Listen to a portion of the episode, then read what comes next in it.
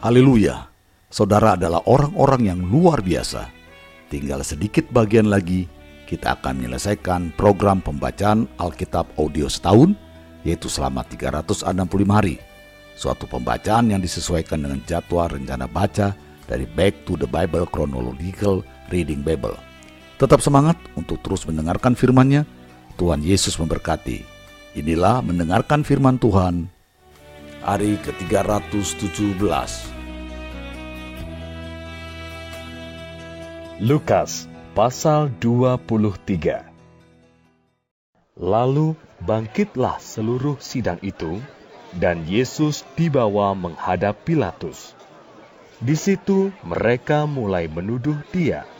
Katanya, telah kedapatan oleh kami bahwa orang ini menyesatkan bangsa kami dan melarang membayar pajak kepada kaisar. Dan tentang dirinya, ia mengatakan bahwa ia adalah Kristus, yaitu Raja. Pilatus bertanya kepadanya, Engkaukah Raja orang Yahudi? Jawab Yesus, Engkau sendiri mengatakannya. Kata Pilatus kepada imam-imam kepala dan seluruh orang banyak itu, Aku tidak mendapati kesalahan apa pun pada orang ini. Tetapi mereka makin kuat mendesak. Katanya, Ia menghasut rakyat dengan ajarannya di seluruh Yudea. Ia mulai di Galilea dan sudah sampai ke sini. Ketika Pilatus mendengar itu, ia bertanya, apakah orang itu seorang Galilea? Dan ketika ia tahu bahwa Yesus seorang dari wilayah Herodes, ia mengirim dia menghadap Herodes, yang pada waktu itu ada juga di Yerusalem. Ketika Herodes melihat Yesus, ia sangat girang, sebab sudah lama ia ingin melihatnya karena ia sering mendengar tentang dia. Lagi pula, ia mengharapkan melihat bagaimana Yesus mengadakan suatu tanda. Ia mengajukan banyak pertanyaan kepada Yesus, tetapi Yesus tidak memberi jawaban apa pun.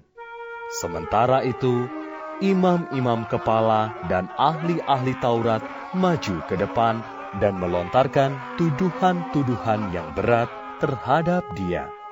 Maka mulailah Herodes dan pasukannya menista dan mengolok-olokkan dia. Ia mengenakan jubah kebesaran kepadanya, lalu mengirim dia kembali kepada Pilatus. Dan pada hari itu juga, bersahabatlah Herodes dan Pilatus. Sebelum itu, mereka bermusuhan. Lalu Pilatus mengumpulkan imam-imam kepala dan pemimpin-pemimpin serta rakyat dan berkata kepada mereka, Kamu telah membawa orang ini kepadaku sebagai seorang yang menyesatkan rakyat.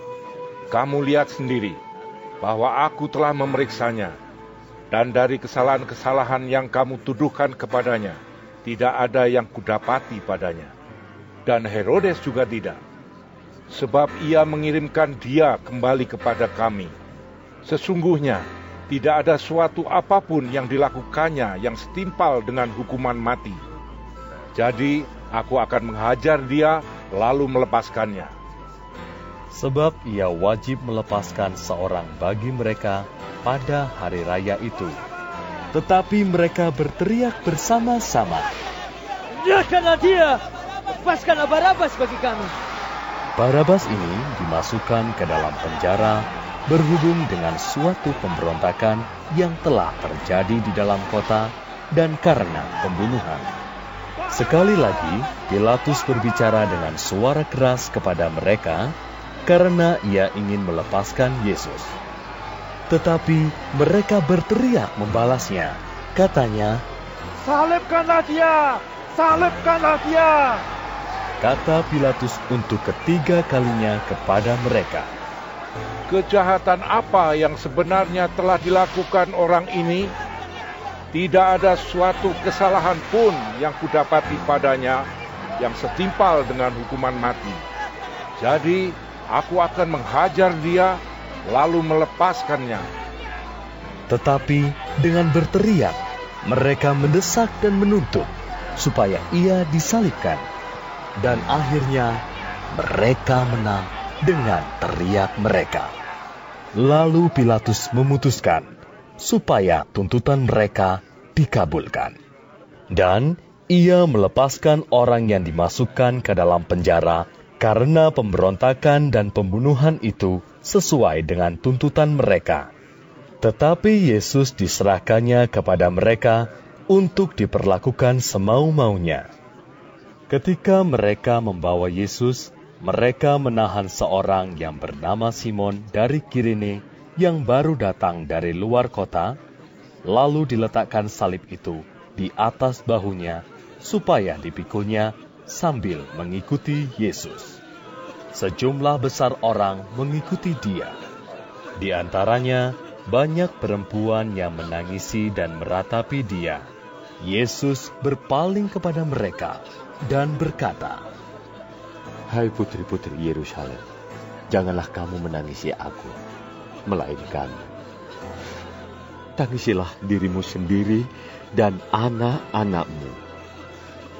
Sebab lihat, akan tiba masanya orang berkata, Berbahagialah perempuan mandul dan yang rahimnya tidak pernah melahirkan, dan yang susunya tidak pernah menyusui.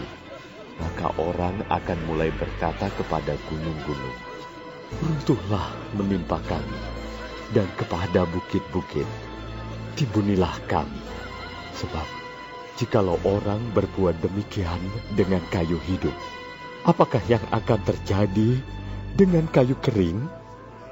Dan ada juga digiring dua orang lain, yaitu dua penjahat untuk dihukum mati bersama-sama dengan dia. Ketika mereka sampai di tempat yang bernama Tengkorak, mereka menyalibkan Yesus di situ, dan juga kedua orang penjahat itu yang seorang di sebelah kanannya dan yang lain di sebelah kirinya. Yesus berkata, Ya Bapa, ampunilah mereka. Sebab mereka tidak tahu apa yang mereka perbuat. Dan mereka membuang undi untuk membagi pakaiannya. Orang banyak berdiri di situ dan melihat semuanya. Pemimpin-pemimpin mengejek dia. Katanya, Orang lain ia selamatkan. Biarlah sekarang ia menyelamatkan dirinya sendiri jika ia adalah Mesias, orang yang dipilih Allah. Juga prajurit-prajurit mengolok-olokkan dia. Mereka mengunjukkan anggur asam kepadanya dan berkata, Jika engkau adalah raja orang Yahudi, selamatkanlah dirimu. Ada juga tulisan di atas kepalanya, Inilah Raja orang Yahudi. Seorang dari penjahat yang digantung itu menghujat dia, katanya, Bukankah engkau adalah Kristus? Selamatkanlah dirimu dan kami.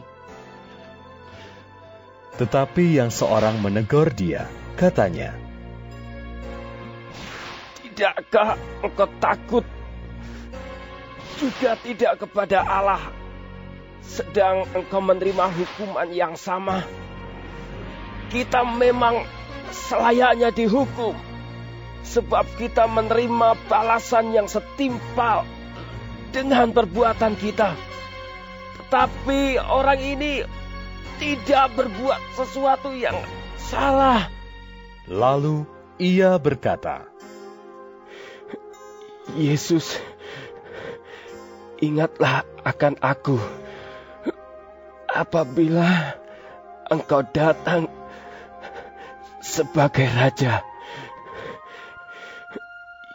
Kata Yesus kepadanya, Aku berkata kepadamu, sesungguhnya hari ini juga engkau akan ada bersama-sama dengan aku di dalam Firdaus. Ketika itu, hari sudah kira-kira jam 12. Lalu kegelapan meliputi seluruh daerah itu sampai jam 3, sebab matahari tidak bersinar. Dan tabir bait suci terbelah dua. Lalu Yesus berseru dengan suara nyaring. Ya Bapa, ke dalam tanganmu kuserahkan nyawaku. Dan sesudah berkata demikian, ia menyerahkan nyawanya. Ketika kepala pasukan melihat apa yang terjadi, ia memuliakan Allah. Katanya, Sungguh, orang ini adalah orang benar. Dan sesudah seluruh orang banyak yang datang berkerumun di situ untuk tontonan itu, melihat apa yang terjadi itu, pulanglah mereka sambil memukul-mukul diri. Semua orang yang mengenal Yesus dari dekat, termasuk perempuan-perempuan yang mengikuti dia dari Galilea, berdiri jauh-jauh dan melihat semuanya itu. Adalah seorang yang bernama Yusuf. Ia anggota majelis besar dan seorang yang baik lagi benar. Ia tidak setuju dengan putusan dan tindakan majelis itu. Ia berasal dari Arimatea, sebuah kota Yahudi, dan ia menanti-nantikan kerajaan Allah. Ia pergi menghadap Pilatus dan meminta mayat Yesus. Dan sesudah ia menurunkan mayat itu, ia mengapaninya dengan kain lenan, lalu membaringkannya di dalam kubur yang digali di dalam bukit batu, di mana belum pernah dibaringkan mayat. Hari itu adalah hari persiapan dan sabat hampir mulai. Dan perempuan-perempuan yang datang bersama-sama dengan Yesus dari Galilea ikut serta dan mereka melihat kubur itu dan bagaimana mayatnya dibaringkan. Dan setelah pulang, mereka menyediakan rempah-rempah dan minyak mur. Dan pada hari sabat mereka beristirahat menurut hukum Taurat. Yohanes pasal 18 Setelah Yesus mengatakan semuanya itu, keluarlah ia dari situ bersama-sama dengan murid-muridnya, dan mereka pergi ke seberang sungai Kidron. Di situ ada suatu taman, dan ia masuk ke taman itu bersama-sama dengan murid-muridnya. Yudas yang mengkhianati Yesus tahu juga tempat itu karena Yesus sering berkumpul di situ dengan murid-muridnya. Maka datanglah Yudas juga ke situ dengan sepasukan prajurit dan penjaga-penjaga bait Allah yang disuruh oleh imam-imam kepala dan orang-orang Farisi lengkap dengan lentera, sulu, dan senjata. Maka Yesus, yang tahu semua yang akan menimpa dirinya, maju ke depan dan berkata kepada mereka, Siapakah yang kamu cari? Jawab mereka, Yesus dari Nazaret. Katanya kepada mereka, Akulah dia. Yudas yang mengkhianati dia berdiri juga di situ bersama-sama mereka. Ketika ia berkata kepada mereka, "Akulah dia." Mundurlah mereka dan jatuh ke tanah. Maka ia bertanya pula, "Siapakah yang kamu cari?" Kata mereka, "Yesus dari Nazaret." Jawab Yesus, "Telah kukatakan kepadamu, akulah dia." Jika aku yang kamu cari, biarkanlah mereka ini pergi. Demikian hendaknya supaya genaplah firman yang telah dikatakannya. Dari mereka yang engkau serahkan kepadaku, tidak seorang pun yang kubiarkan binasa. Lalu Simon Petrus yang membawa pedang, menghunus pedang itu, menetakkannya kepada hamba imam besar dan memutuskan telinga kanannya. Nama hamba itu Malkus. Kata Yesus kepada Petrus, Sarukan pedangmu itu. Bukankah aku harus minum cawan yang diberikan Bapa kepadaku? Maka pasukan prajurit serta perwiranya dan penjaga-penjaga yang disuruh orang Yahudi itu menangkap Yesus dan membelenggu dia. Lalu mereka membawanya mula-mula kepada Hanas, karena Hanas adalah mertua Kayafas, yang pada tahun itu menjadi imam besar. Dan Kayafaslah yang telah menasihatkan orang-orang Yahudi. Adalah lebih berguna jika satu orang mati untuk seluruh bangsa. Simon Petrus dan seorang murid lain mengikuti Yesus. Murid itu mengenal imam besar dan ia masuk bersama-sama dengan Yesus ke halaman istana imam besar. Tetapi Petrus tinggal di luar dekat pintu.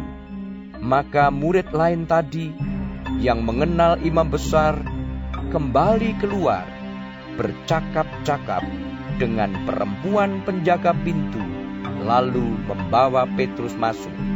Maka kata hamba perempuan penjaga pintu kepada Petrus, Bukankah engkau juga murid orang itu?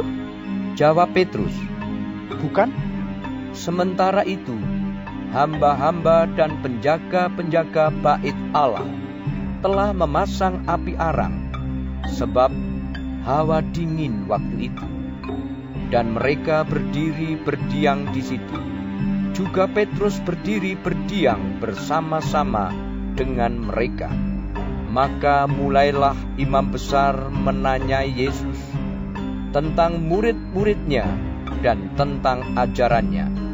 Jawab Yesus kepadanya, Aku berbicara terus terang kepada dunia. Aku selalu mengajar di rumah-rumah ibadat dan di bait Allah, tempat semua orang Yahudi berkumpul. Aku tidak pernah berbicara sembunyi-sembunyi. Mengapakah engkau menanyai aku? Tanyailah mereka yang telah mendengar apa yang kukatakan kepada mereka. Sungguh, mereka tahu apa yang telah kukatakan. Ketika ia mengatakan hal itu, seorang penjaga yang berdiri di situ menampar mukanya sambil berkata, Begitukah jawabmu kepada imam besar? Jawab Yesus kepadanya, Jikalau kataku itu salah, tunjukkanlah salahnya. Tetapi jikalau kataku itu benar, mengapakah engkau menampar aku? Maka Hanas mengirim dia terbelenggu kepada Kayafas, imam besar itu. Simon Petrus masih berdiri berdiam.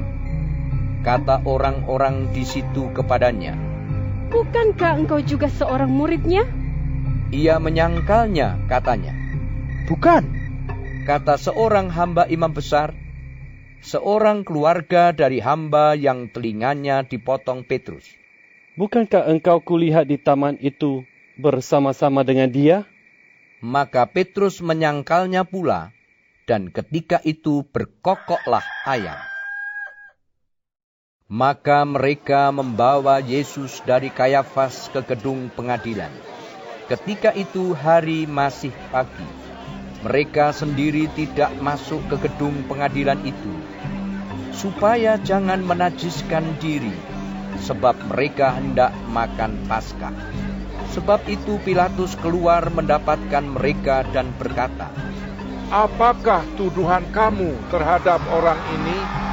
Jawab mereka kepadanya, Jikalau ia bukan seorang penjahat, kami tidak menyerahkannya kepadamu. Kata Pilatus kepada mereka, Ambillah dia dan hakimilah dia menurut hukum Tauratmu. Kata orang-orang Yahudi itu, Kami tidak diperbolehkan membunuh seseorang. Demikian hendaknya supaya genaplah firman Yesus yang dikatakannya untuk menyatakan bagaimana caranya ia akan mati. Maka kembalilah Pilatus ke dalam gedung pengadilan, lalu memanggil Yesus dan bertanya kepadanya, Engkau inikah raja orang Yahudi? Jawab Yesus, Apakah engkau katakan hal itu dari hatimu sendiri, atau Adakah orang lain yang mengatakannya kepadamu tentang aku? Kata Pilatus, Apakah aku seorang Yahudi? Bangsamu sendiri dan imam-imam kepala yang telah menyerahkan engkau kepadaku. Apakah yang telah engkau perbuat? Jawab Yesus, Kerajaanku bukan dari dunia ini.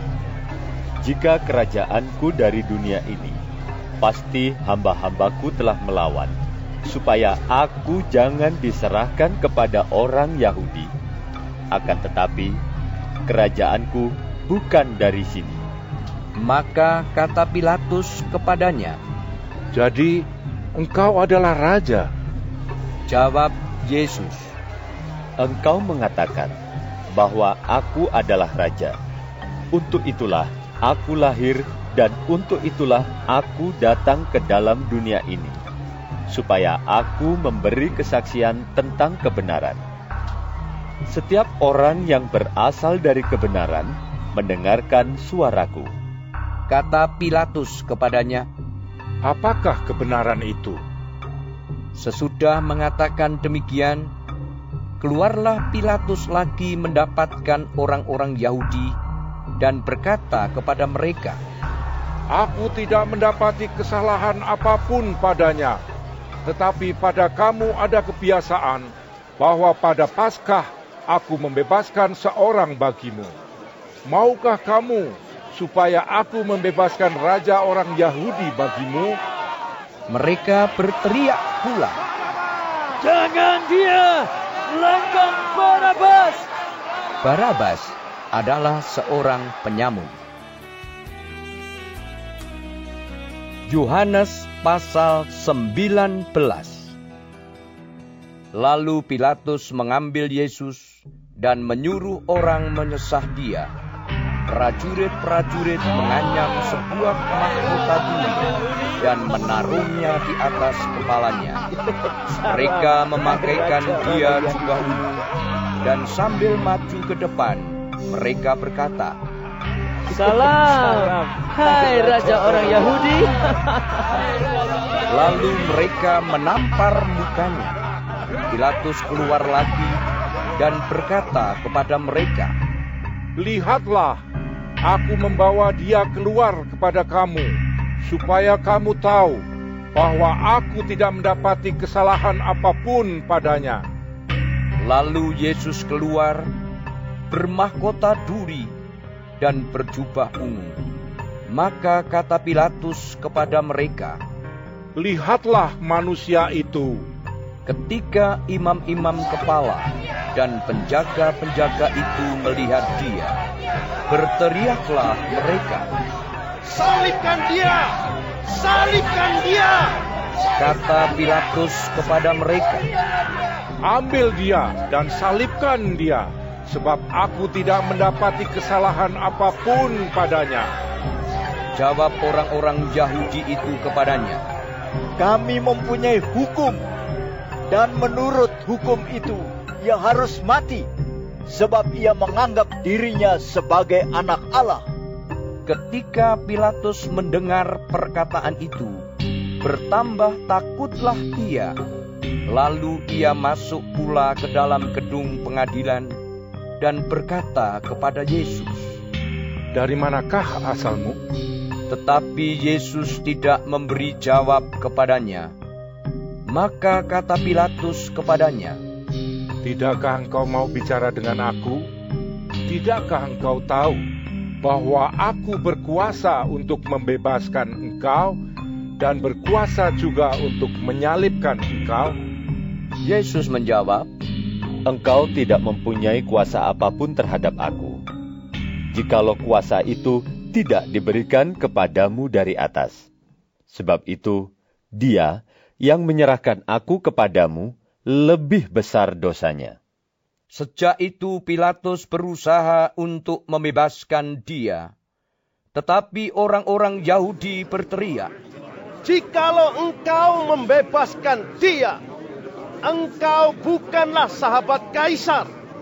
Setiap orang yang menganggap dirinya sebagai raja, ia melawan kaisar.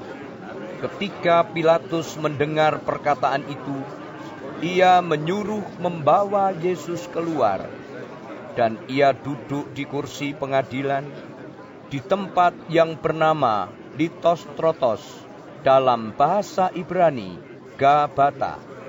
Hari itu ialah hari persiapan Paskah, kira-kira jam 12. Kata Pilatus kepada orang-orang Yahudi itu, Inilah rajamu. Maka berteriaklah mereka, Nyalakan dia! Nyalakan dia! Salibkan dia! Kata Pilatus kepada mereka, Haruskah aku menyalibkan rajamu? Jawab imam-imam kepala, Kami tidak mempunyai raja selain daripada kaisar. Akhirnya Pilatus menyerahkan Yesus kepada mereka untuk disalibkan. Mereka menerima Yesus. Sambil memikul salibnya, ia pergi keluar ke tempat yang bernama tempat tengkorak. Dalam bahasa Ibrani, Golgota. Dan di situ ia disalibkan mereka. Dan bersama-sama dengan dia, disalibkan juga dua orang lain.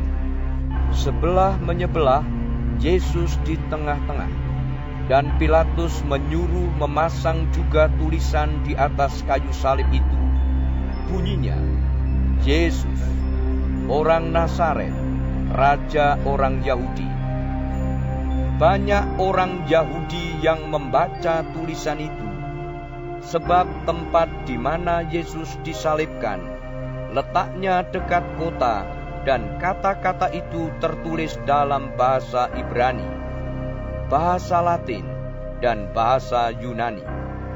Maka kata imam-imam kepala orang Yahudi kepada Pilatus, Jangan engkau menulis Raja orang Yahudi, tetapi bahwa ia mengatakan, Aku adalah Raja orang Yahudi. Jawab Pilatus, Apa yang kutulis tetap tertulis. Sesudah prajurit-prajurit itu menyalibkan Yesus, mereka mengambil pakaiannya, lalu membaginya menjadi empat bagian untuk tiap-tiap prajurit satu bagian. Dan jubahnya juga mereka ambil. Jubah itu tidak berjahit, dari atas ke bawah, hanya satu tenunan saja.